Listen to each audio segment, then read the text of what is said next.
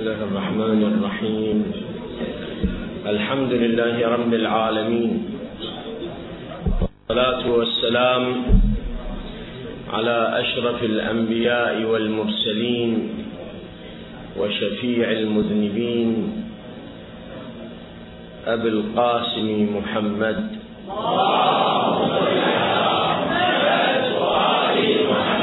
وعلى آله الطيبين الطاهرين واللعنة الدائمة على أعدائهم أجمعين. ومنكر كبائرهم من الأولين والآخرين إلى قيام يوم الدين. اللهم ربنا وفقنا وجميع المشتغلين واجعله خالصا لوجهك الكريم. إنك أرحم الراحمين. في البداية أشكر الأخوة الأفاضل أصحاب السماحة السادة والشيوخ الكرام معتمدي المرجعية العليا وأشكركم في هذه المدينة المجاهدة الصابرة المحتسبة التي تحملت الكثير من المصاعب والألم والعذاب من أجل الدفاع عن أهل البيت عليهم أفضل الصلاة والسلام. الحديث عن سيد الكونين ونور العينين. الإمام المنتظر عجل الله تعالى فرجه الشريف. بقية الله في الأرض وحجته على عباده. الإمام المنتظر صلوات الله عليه هو الإمام الثاني عشر من أئمة المسلمين.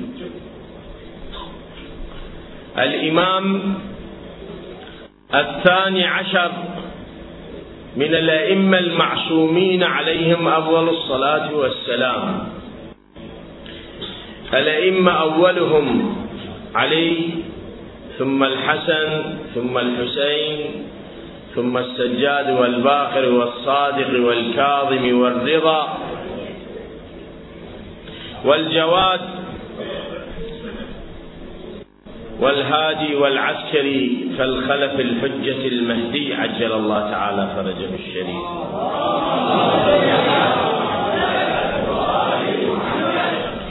الإمام المنتظر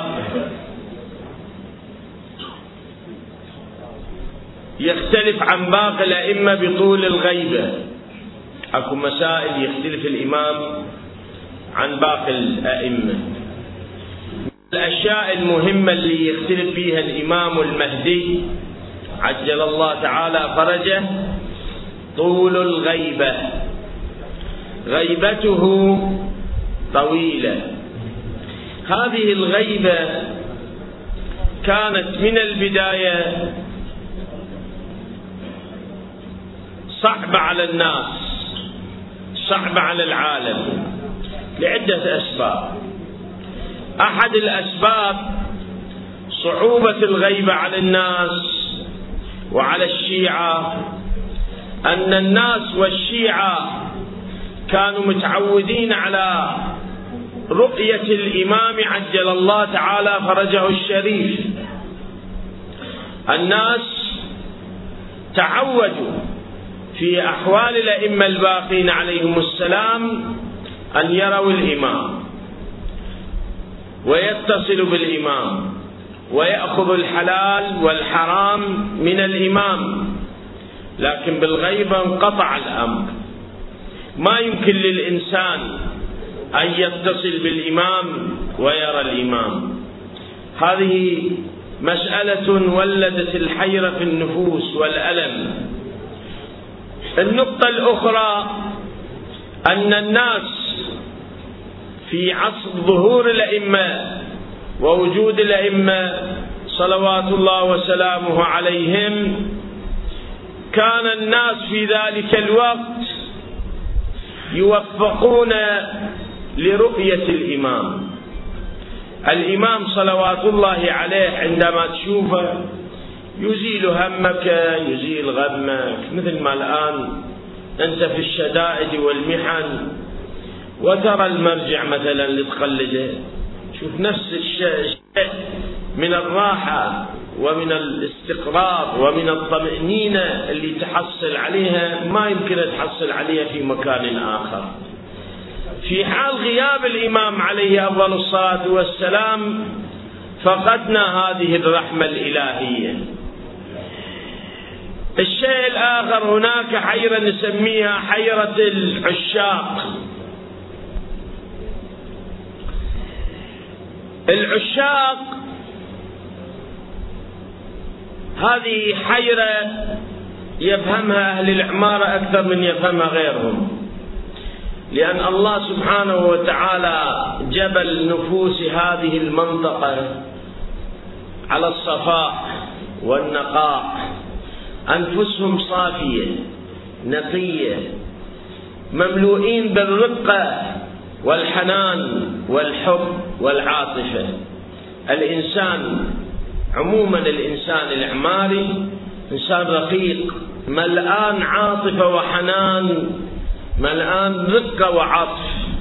الله سبحانه وتعالى خلى هذا النور وهذا الحب وهذا اللطف في قلوب هذه هذا الناس وهذا المجتمع. يعرفون عندما أتحدث عن عشق الإمام شنو هو العشق؟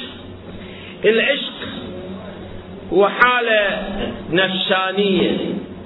هذه الحالة النفسانية تصير عند الإنسان بعد يتحرك بعواطف بروح. هذه الروح مو بيده. تأثر على حركته على سلوكه على عمله. هذا الإنسان العاشج إحنا نسميه. العاشج بعد ما يشوف شيء بالدنيا إلا مراده إلا الشيء اللي يريده اللي يحبه. لذلك يروى عن النبي صلى الله عليه وآله حبك للشيء يعمي ويصم. هذا الحب هذا أمر رباني من الله لكن ينقسم إلى قسمين. قسم حب يسوء ويخطأ. صاحبه بالاستفادة منه. يوديه بطريق غلط طريق أعوج طريق مو صحيح. وهو يلتهي بحب هذا الحب اللي معروف عند الناس خصوصا عند الشباب. هذا العشق والعشج هذا اللي مرده خطأ أصله خطأ. الإمام الصادق عليه السلام سئل عن هذا الحب قال تلك قلوب خلت من حب الله فامتلأت بهذا الحب. يعني القلب مثل الماعون. القلب مثل الماعون صحن عندنا صحن. هذا الصحن إذا خليت له مرق بعد ما تقدر تزيد عليه تحط له مثلا روبة فوقه لأن ينشف يتطشر ما يتحمل. لو تخلي روبة لو تخلي حليب. لازم تخلي شيء واحد. لأن من خليت بشيء ومليته بعد هذا الصحن ما يتحمل تخلي بشيء ثاني. إذا هذا القلب مليته بحب وعشق من هذا الحب المعروف عند أهل الدنيا هذا شنو؟ ما يدخل بالقلب إلا إذا كان القلب فارغ من حب الله. القلب إذا فارغ من حب الله والنبي والأئمة يجي يحب أهل الدنيا ويطبيه أما لو كان هذا القلب ملآن بحب الله وحب رسوله وحب الأئمة عليهم السلام حينئذ ما يدخل بحب هذه الدنيا. هذا العشق الأعمى اللي يمكن أن يدخل في قلب اللي فارغ قلوبهم من حب الله وحب النبي وحب الأئمة عليهم السلام. أحد الرواة لعله ابن أبي يعفور يقول هاي رواية موجودة في الكافي للشيخ الكليني رضوان الله عليه سألته عن الحب. يقول سألته عن الحب فأجاب وهل الدين إلا الحب؟ يعني أكف الشيء. الدين هو ليش اكو شيء غير الحب؟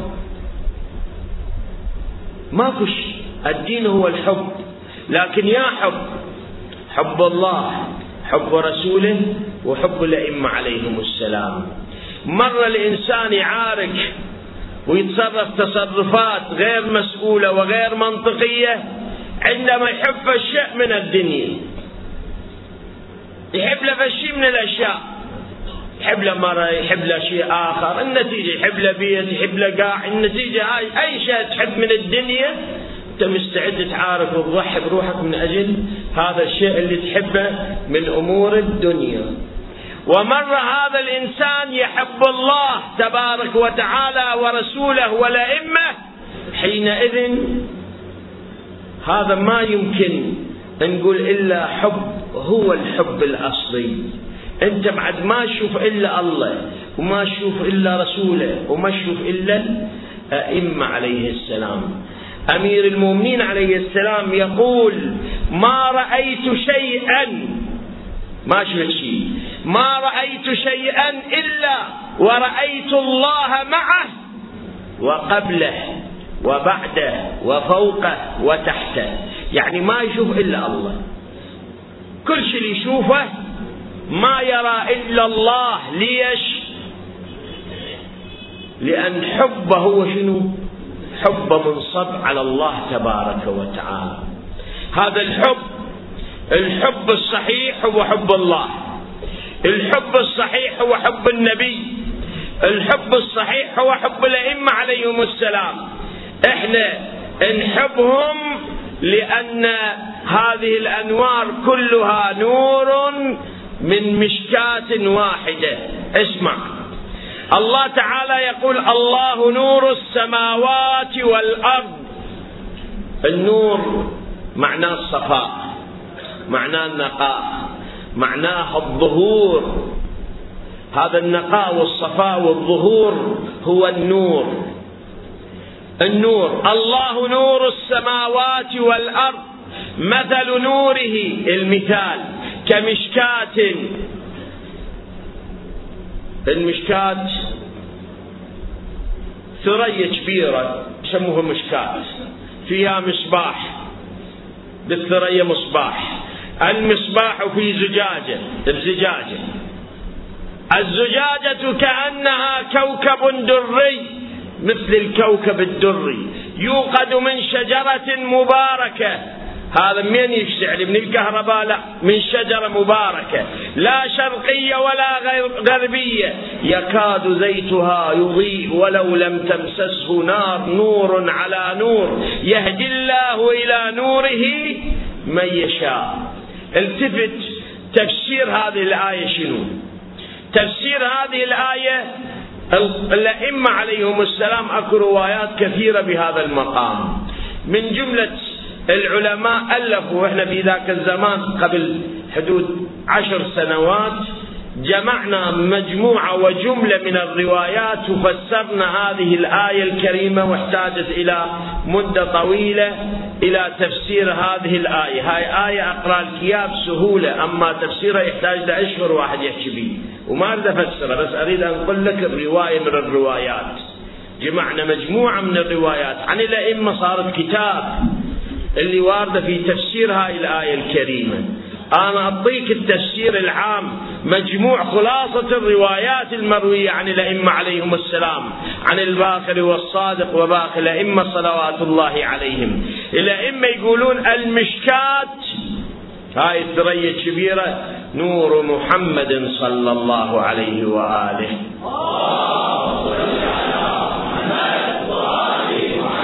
والمصباح نور علي بن أبي طالب عليه السلام.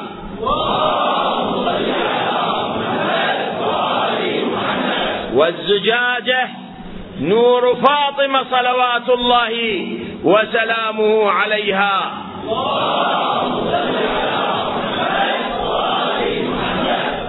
يوقد من شجرة مباركة زيتونة هو نور الحسن والحسين والأئمة المعصومين. صلوات الله عليهم. مثله مثل الله نور السماوات والأرض مثل نوره كمشكاة فيها مصباح المصباح في زجاجة. الزجاجة كأنها كوكب دري. شوف لاحظ شوف المثال. هذه الأنوار كلها متلمة ومتجمعة بوسطها فالشيء يلمع. هي كلها تعكس على هذا النور اللي يلمع. هالكوكب الدري. والكوكب الدري وين يلمع؟ يلمع على المشكاة والمصباح والزجاجة وعلى الشجرة المباركة الزيتونة. هذا اللمعان شيء يرد شيء هذا الكوكب الدري هو المهدي المنتظر عجل الله.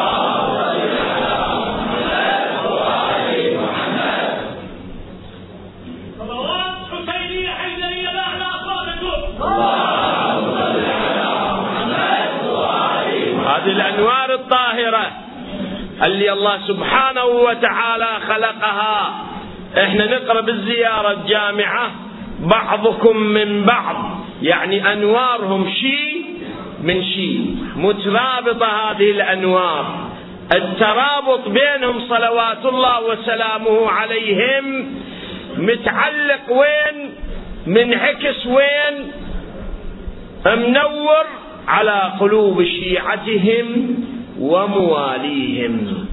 عندنا بالروايات أن النبي صلى الله عليه وآله روى بروايات كثيرة عن الله في الحديث القدسي خلقتك من نوري وخلقت عليا من نورك وخلقت فاطمة من نوري من نورك ونور علي. وخلقت الحسن والحسين من نورك ونور فاطمة ونور علي وخلقت الأنوار التسعة من الأنوار الخمسة فجعلتهم حول العرش محدقين.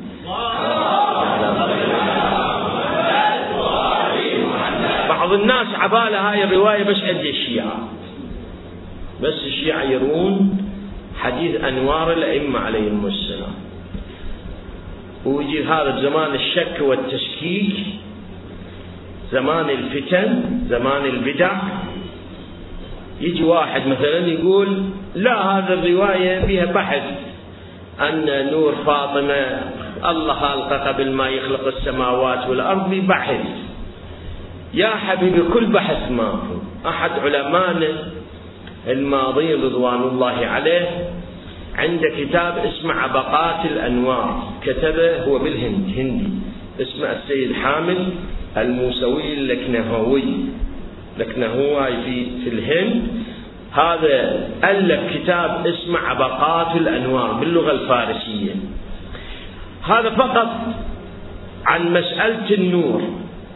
أن الله خلق نور محمد وعلي وفاطمة والحسن والحسين والأئمة المعصومين التسعة قبل أن يخلق السماوات والأرض. هاي السولفة قسم منها هاي يسموها نور الأئمة أو حديث النور. إحنا نسميه بالعلم نسميه حديث النور. جمع الروايات الموجودة عند كتب السنة مو كتبنا كتب السنة. الروايات كتابين مجلدين طبعا مجلدين كبار. كل هاي روايات من كتب السنة تتحدث أن محمد وعلي وفاطمة والحسن والحسين والأئمة المعصومين التسعة خلقهم الله أنوارا.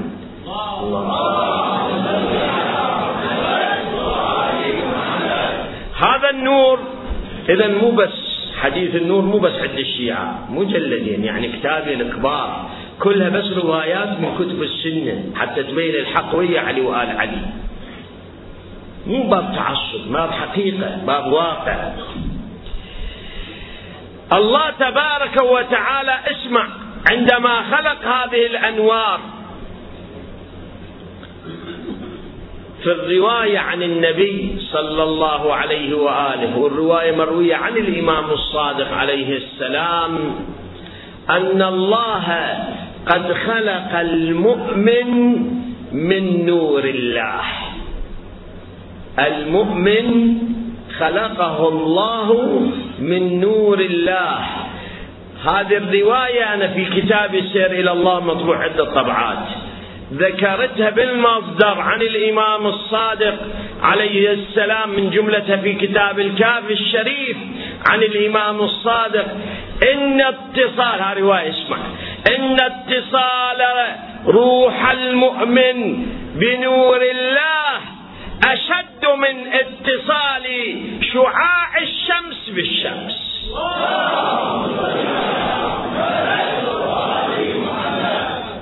روح المؤمن متصلة بنور الله اللي قلنا نور الله من هم هم أهل البيت عليهم السلام.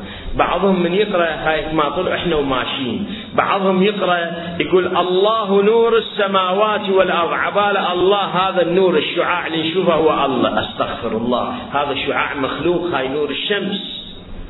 هذا نور القمر بالليل. بالنهار نور الشمس بالليل نور القمر. هذا مو مو الله. هذا نور من الله. هذا نور من الله. وليس هو الله. النور بالهاي الآية نور مخلوق. يعني يريد يقول لك أن الله سبحانه وتعالى لا يمكن أن يرى لا يمكن أن يشاهد.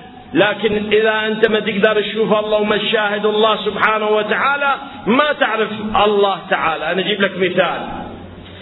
خلي بالك وياي هاي السالفة شوية بيها فالصعوبة بالفهم بس وياك خلي نسمعها.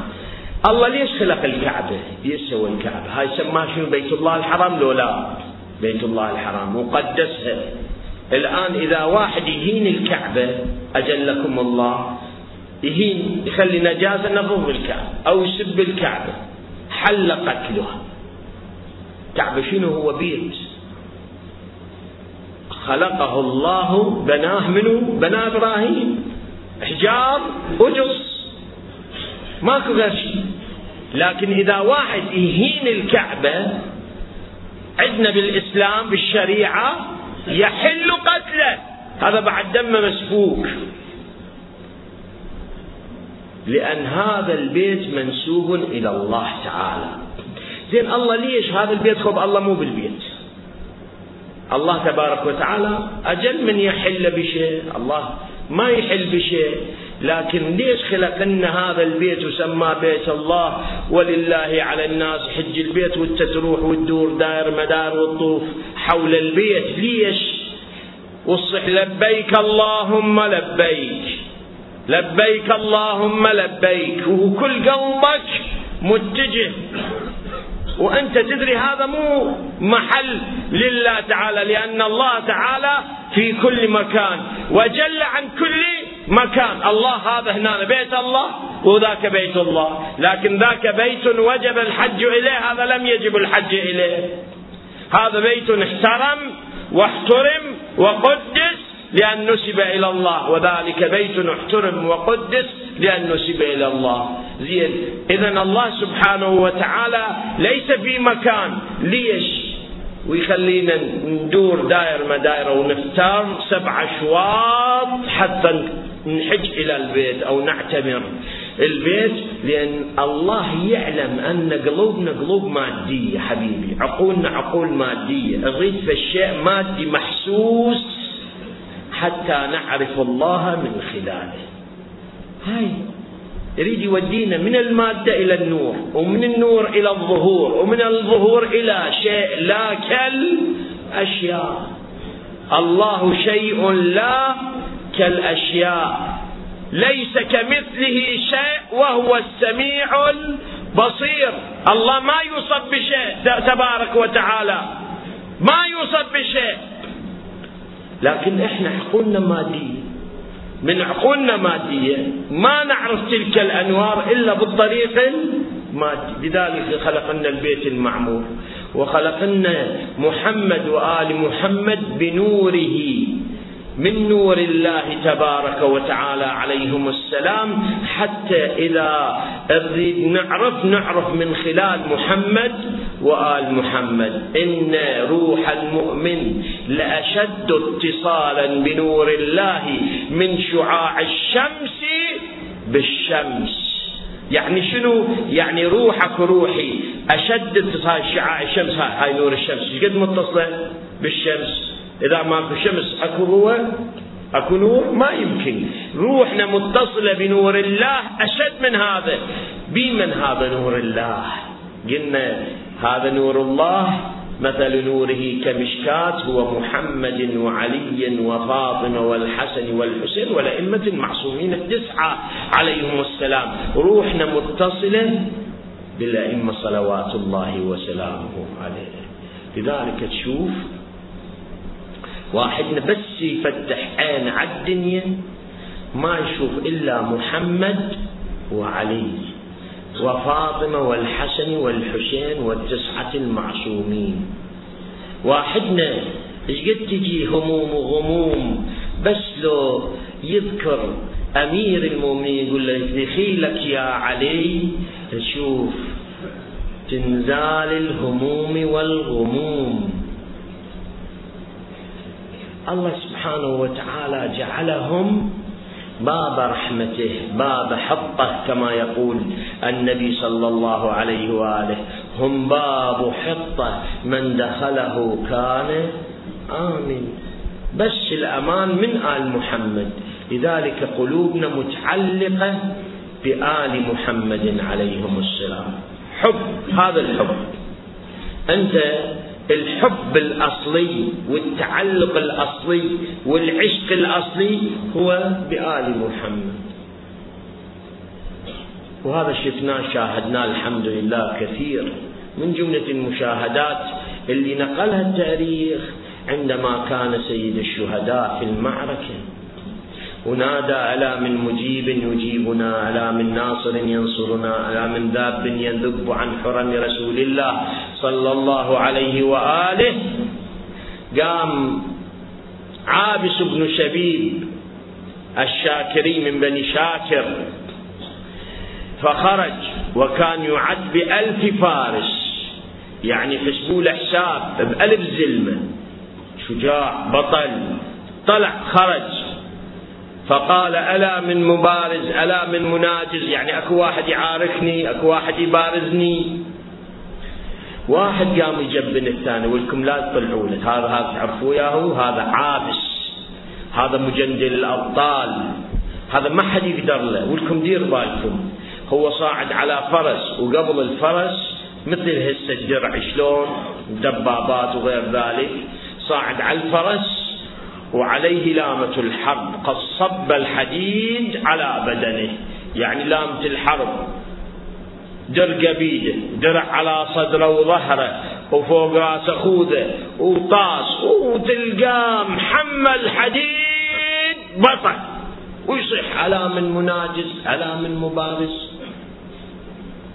خافت الزلم تنزل. نزل من على فرسه. ينادي ألا من مبارز. واحد يتنوع على الثاني ولكم دير بالكم يقتلكم. هذا بعد قوي. قالوا لهم نزل من الفرس قال بعد قوي تقول الرواية فرمى بدرعه نزع الدرع ذب الدرقة ذب الخوذة بقع عريان وبيد سيفه. ويصيح ألا من مبارز ألا من مناجز حرب. الحرب كل واحد ياخذ عدته ياخذ قوته. مو بقوته وعدته على صفحة. عمامة أولاد عمه. ويا عمر بن سعد أخذتهم الغيرة عليه صاحوا له وقصار بك عابس ما جرى بك عابس سودنت اتجننت خبلت ويلك يا عابس أجننت؟ فنادى عابس حب الحسين أجنني. هذا حب حب يسودن والحب بنفسه يجنن. مرة يخليه يسودنا وواحد يدق ما أدري شلون.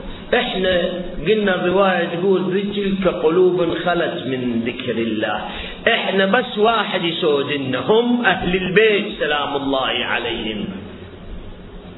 من الحب والجنون التعلق بالحبيب. بالجميل بأحب الأحبة بالمهدي المنتظر عجل الله تعالى فرجه. هذا حب خاص. حب خاص إحنا نشأنا عليه. كبرنا عليه. صرنا عليه. الحب بالإمام المنتظر عجل الله تعالى فرجه الشريف. لكن هاي بالغيب إحنا محرومين منها. هذا الحب صارت ثلاثة الناس الوادم صارت ثلاثة أقسام. قسم نسته نسة الإمام. وهي أكثر الناس. لذلك تشوفهم ما يذكرون الإمام ولا لهم غرض بالإمام. أنا أقول لك إذا طاح بشدة لو يذكر الإمام لو ما يذكر الإمام. كأنما ما عندك إمام بعد روحي يحضر لك بشدائد الدنيا وشدائد الآخرة. ترى ما حد يرعانا هالزمان إلا هو صاحب الأمر. عجل الله تعالى فرجه الشريف. أحد المراجع أحد المراجع بإيران حفظه الله تعالى. ينقل عنه أو هو ينقل حفظه الله. يقول يوم قاعد أنا بالغرفة سمعت أطفال اثنين برا قاعدنا بغرفة بويت. سمع جهال برا يسولفون. واحد عنده خبزة الثاني ما عنده خبزة. قال له خذنا خبزة. بس لك خبزة؟ قال له أنت ما عندك أبو تروح تأخذ من عنده خبزة؟ يقول أنا بكيت قلت مولاي حتى الجهال يدرون إذا واحد يريد خبزة ياخذ من أبو عندنا إحنا أبو غيرك يا بقية الله. يا ابن الحسن عندنا أبو غيرك خبزتنا من عندك راحتنا من عندك حل مشاكلنا بيك. ما عندنا باب غير بابك ما عندنا طريق غير طريقك. أنت باب الله الذي منه يؤتى. لذلك أهل البيت عليهم السلام حتى دوم نتصل به صلوات الله عليه وظفونا وظائف. علمونا. وحدة من الوظائف اسمعني يا روحي زيارة الإمام الحجة عجل الله تعالى فرجه.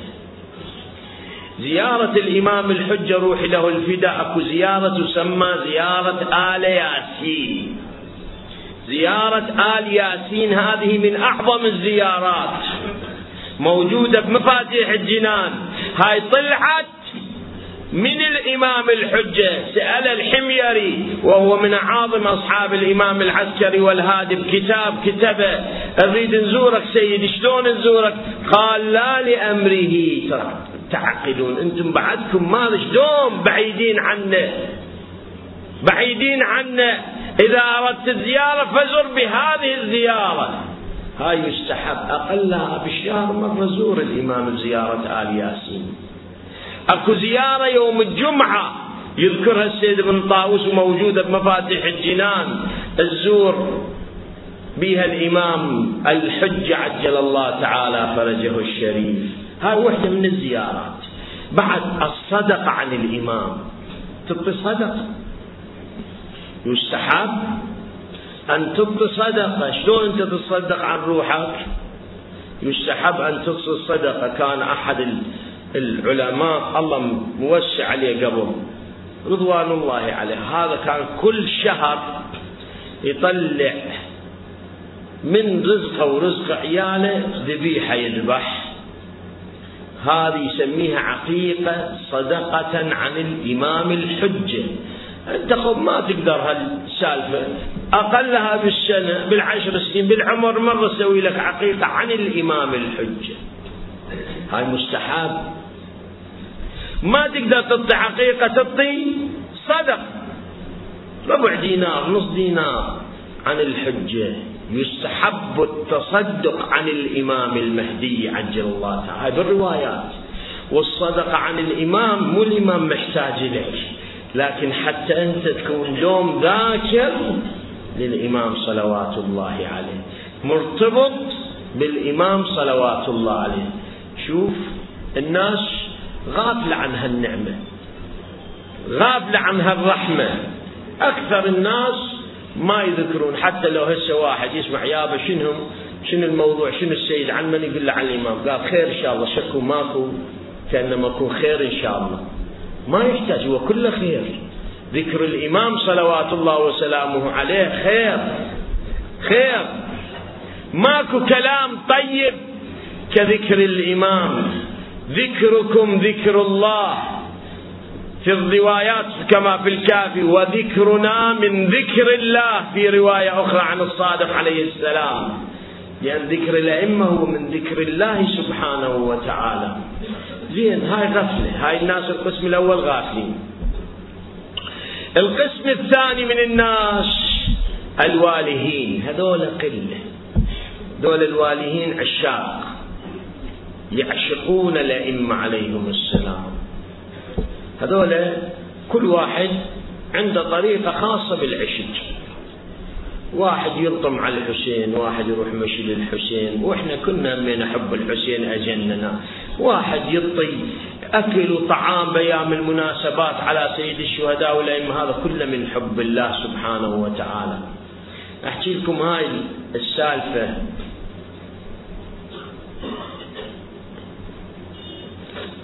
أحد العلماء يقول كنت مرة أنا عند حرم أمير المؤمنين عليه السلام يعني بالنجف أزور. أزور قبر أمير المؤمنين سلام الله عليه. شفت لي واحد شاب مضطرب قلق ويبكي كنا مضيع لشيء ولازم الشباك ويبكي ويتوسل. كسر خاطري عليه من كثر ما سمعت به من من اللوعة والحسرة والألم انكسر خاطري عليه خلصت أو هو خلص عاينت عليه هو هذا العالم السيد رجل كبير بالسن. توفى رضوان الله عليه. يقول سألت هذا الشاب. قلت له ابويا شنو أنت؟ شنو طلبت بلك اساعدك يقول بس أنا قلت له هيك بك ثقة. قلت له ليش؟ قال سيدنا طلبتي أكبر من هاي وهاي. قلت له شنو احكي لي قال أنا عاشق. قلت له خوش نروح مشاي ونمشي لهلها قال لا مو مثل ما أنت تصورت. قلت له شلون؟ قال عاشق أنا المولى صاحب الأمر. أنا قلبي ما أقدر أنام ولا أقدر آكل. ولا أقدر أمشي ولا أقدر أتحرك. أحس قلبي من يجي اسمه؟ قلبي يدق يدق يدق يدق يدق حتى أريد أموت. من العشق. قلت له شو تريد؟ قال بس أريد أشوف فنه ولو شوفه وحده. قلت له سهله هاي السالفه حقيقية؟ سهله قال شلون؟ قلت له تروح للسهلة هي سالفة بس مو جديدة سالفة عتيجة. قلت له تروح للسهلة أربعين ليلة أربعة تروح تتعبد هناك وتتوسل أن الله سبحانه وتعالى يرزقك رؤية المولى حتى شو صاحب الأمر عجل الله تعالى.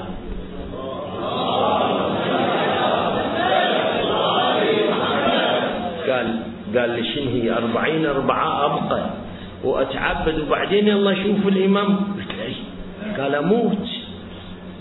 قال أموت ما أتحمل الآن أنا أريد هسه أشوف قال ما يصير لازم هالشي حكى شلون على كل حال قنعته. قلت له تقرأ فلان دعاء فلان دعاء زيارة آل ياسين ما أدري شنو دعاء العهد أربعين يوم الصبح تقرأهن إن شاء الله. بل نشوف الإمام. يقول هو ما عنده شارة وشاف سيد وشايب وعالم أخذ الحكاية وراح من عنده. السيد يقول هذا العالم يقول أنا عفته ما أعرفه ولا أدري هو مين. من النجف خطاب من ديرة أخرى ما أدري. يقول عفته ليلة الجمعة ورا أسبوع وأنا زاير سيد الشهداء. الإمام الحسين صلوات الله وسلامه عليه. يقول أنا بالزيارة وزور لمحت الولد. شفته بس هذا مو ذاك صاحبي. ذاك كان تعبان وضايج مضطرب قلق كلش حال ضيم حاله. أشو لا هذا مرتاح. مرتاح ومتونس وما شاء الله مورد. محمار وصاير وكلش متونس. يقول أنا جيت سلمت عليه السلام عليكم السلام. قلت له عرفتني؟ قال لي إيه. قلت له يا وأنا قال أنا شفته قبل أسبوع بالنجف سيدنا. قلت له خوش. قلت له وسويت اللي قلت لك عليه؟ قال لا ما سويت. قلت لابد هذا إحنا مثل ما تجينا شوفنا ساعة نفرح كلش. وساعة نحزن كلش. ساعة كلش ويا الأئمة في الدور وساعة هادين الأئمة كاظين غيرهم. هم كلش. على كل حال قلت هذا حال حال الوادم الباقية. شنو سالفتك قلت شنو؟ شو خبصتني وموتتني وقلت لي أموت وما أقدر أعيش وهاي وهاي أنا ابقى 40 أربعة. شو هذا ضحك؟ قال لي لا سيدنا مو مثل ما تتصور. قلت له شلون؟ قال شفت الإمام. قلت قلت له شلون شفته؟ قال سيدنا مو باللي قلته أنت. قلت له ببير قال بالحب. أنا من شافني صدق راح أموت اموتا. إذا ما أشوفه اموتا. شافني حن على قلبه هو الحنين. الحنين حن على قلبي ورزقني شوفته سلام الله عليه. قال له شكل قال له شكل هو اجاني ما رحت لأنه هو اجاني سلام الله عليه. قال اللي يحبني صدق أنا أجي ما يحتاج يركض وراي أنا أجي بس وين تلقى اللي يحبني؟ هي المشكلة وين تلقى اللي يحبني؟ هذا الطريق طريق المحبين. الطريق الثاني ما طولها عليك. الشيء الثالث إن هذول قلة. إحنا قلنا قسم لا متيهين يذكروه ولو ما يذكروه. قسم لا ما يقدرون بالايام القسم الثالث هو قد يكون محب لكن ما يعرف الطريق. هذا المهم. ما يعرف الطريق. الطريق ما يدري به شنو مثل ما واحد يريد له شيء يريد له طلبة يريد له رأي هذا بعد يا يعطيه يا يركض وراه. يا اللي يقول له هو حبك للشيء يعمي ويصن هذا كثير من عندنا. نحب الأئمة ونحب المهدي ونحب حب شديد بحيث ننتظر من عنده صلوات الله عليه أن يطلع. أن يخرج. شوف يا عين هذا الحب بعض الأحيان أنت تتمنى يطلع صاحب الزمان بس للأسف الشديد ما تمشي بالطريق العدل يمشي واحد الطريق أعوج. إحنا كنا نريد يطلع صاحب الزمان بس كون نمشي على طريق اللي هو يريده. لذلك الإمام الصادق عليه السلام يقول في عصر الغيبة يغيب رواية طويلة يغيب عنهم إمامهم. الإمام يغيب عنهم. بالأخير يقول للإمام صلوات الله عليه يا أبا بصير أو ذيش رواية مهزم. يا مهزم بعدين نسولف مال أبو بصير. يا مهزم هلك المستعجلون. ونجا المسلمون. أكو ناس مستعجلة وأكو ناس مسلمة للامام السلم يقول سلمكم سلمي وحربكم حربي. ندعو الله بالفرج أما إحنا نسوي لنا طريق ثاني للفرج هذا غلط. تمشي بطريق صاحب الزمان اللي يريده منك.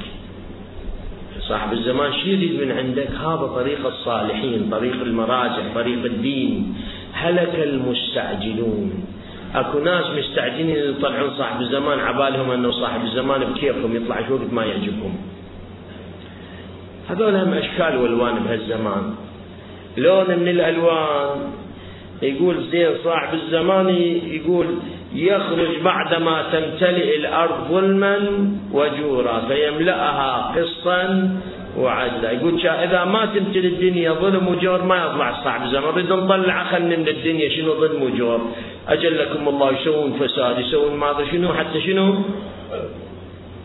الحمد لله إن شاء الله بهالمناطق ما موجودة. مناطق إحنا بمناطق بعضها زرناها هذا انحراف. سووا معصية حتى تطلع صاحب الزمان. خذ هذا من يطلع صاحب الزمان اول الناس اللي يذبحهم هو أنت اللي تعصي الله سبحانه وتعالى. صاحب الزمان يريد تمتلئ الدنيا عاد قسط رحمة. هذا طريق طريق غلط. هذا طريق انحراف. بعضهم يلتهي بالعلامات. فلان الشيء صهران فلان الفلاني. هذا ينطبق على فلان هذا فلان هذا فلتان. وخلاص وصورها خلصت وصاحب الزمان على الأبواب وينتظر صاحب الزمان شو وقت يطلع. هاي هم طريق خطأ. أنت الله ما أمرك تنتظر العلامات. أصلا اللي يقول لك أكو رواية تقول انتظروا العلامات ولا تنتظرون صاحب الزمان هذا انحراف. ما ما الله يقول لك انتظار الفرج. أفضل أعمال أمتي انتظار الفرج. كنت انتظر فرج آل محمد عليهم أفضل الصلاة والسلام. الفرج مو أنت تسويه ولا أنا أسويه ولا ذاك تسويه الفرج بيد صاحب الأمر عجل الله تعالى فرجه. بيد الله سبحانه وتعالى. أنا وياك ننتظر صاحب الزمان وصاحب الزمان ينتظر أمر الله والله ينتظر هم التغيير بينا. لا يغير الله مما بقوم حتى يغير ما بأنفسهم. يريدنا إحنا يصير شو خوش وادم حتى يطلع صاحب الزمان. مو يصير مو خوش وادم حتى يطلع صاحب الزمان. انعكست يعني القضية؟ الأمور تغيرت بدلت؟ لا. لازم نصير خوش وادم لازم الشيعة يرتقون يتعلمون يوصلون إلى مستوى يطيعون الله ورسوله والإمام. يوصلون مرحلة من مراحل الطاعة. حينئذ يطلع صاحب الزمان. إذا الناس ما توصل إلى المستوى صاحب الزمان ما يطلع.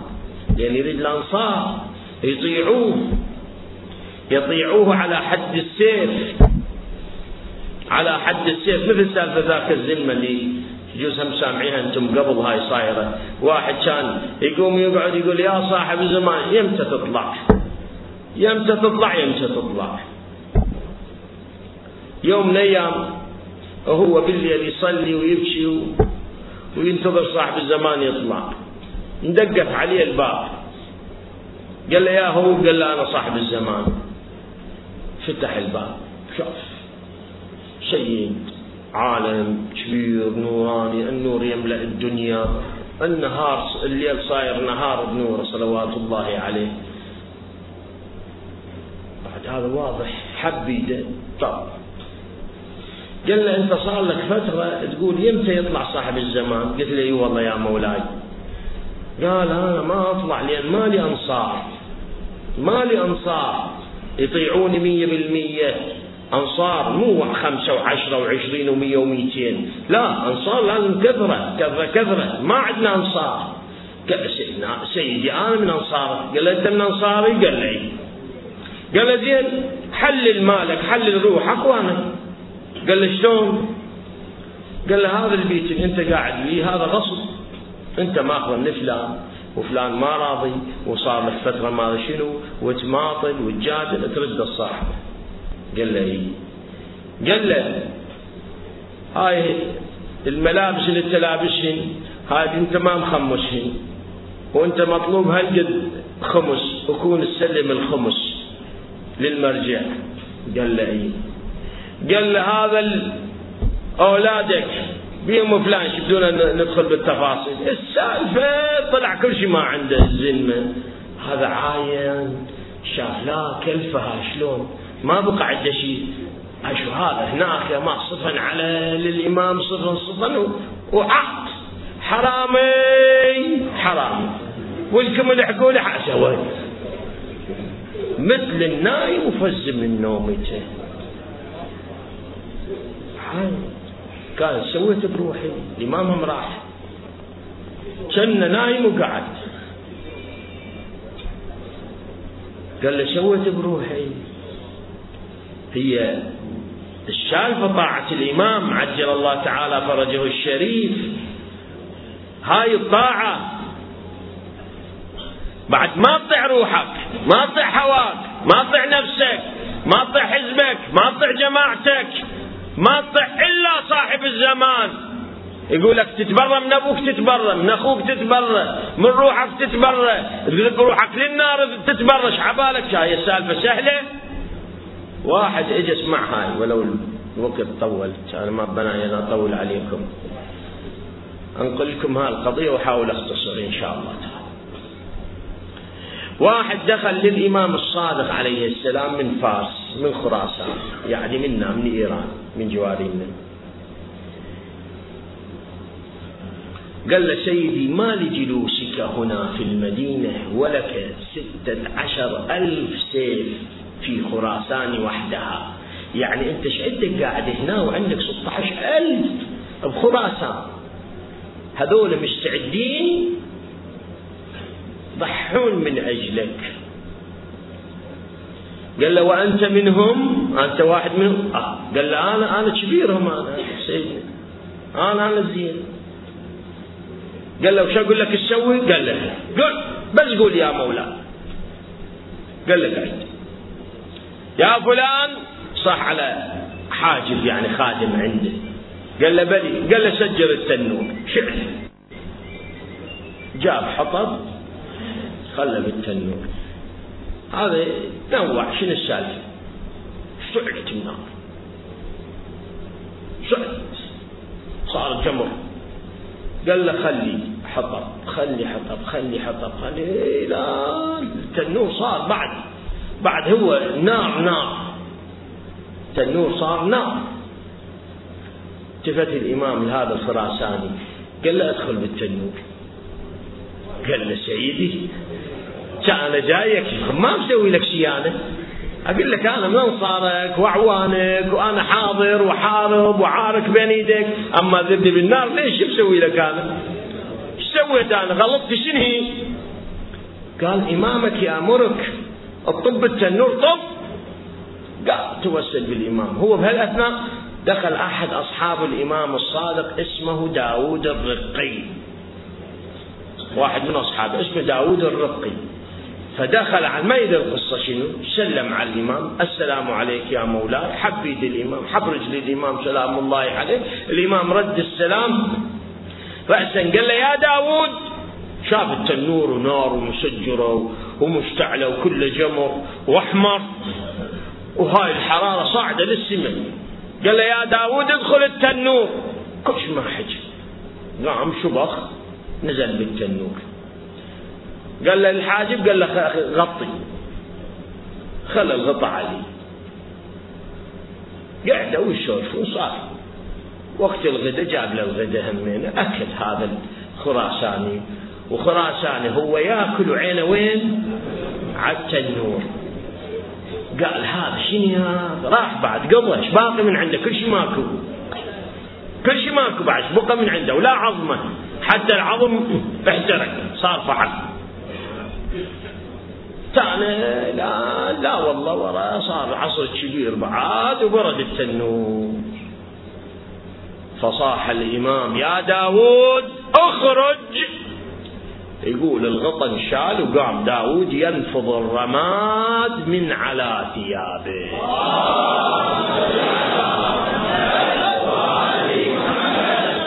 قال كم واحد عندكم مثل داود هذا؟ قال له والله يا مولاي ولا واحد حتى وحيد ما عندنا. قال له إذا لا تقول عندنا 16000 و20 ألف الإمام لا يخرج إلا بقوم كهذا. هاي طاعة كن عمياء ما تقول له والله ها؟ أنا والله اصبر لي ساعة.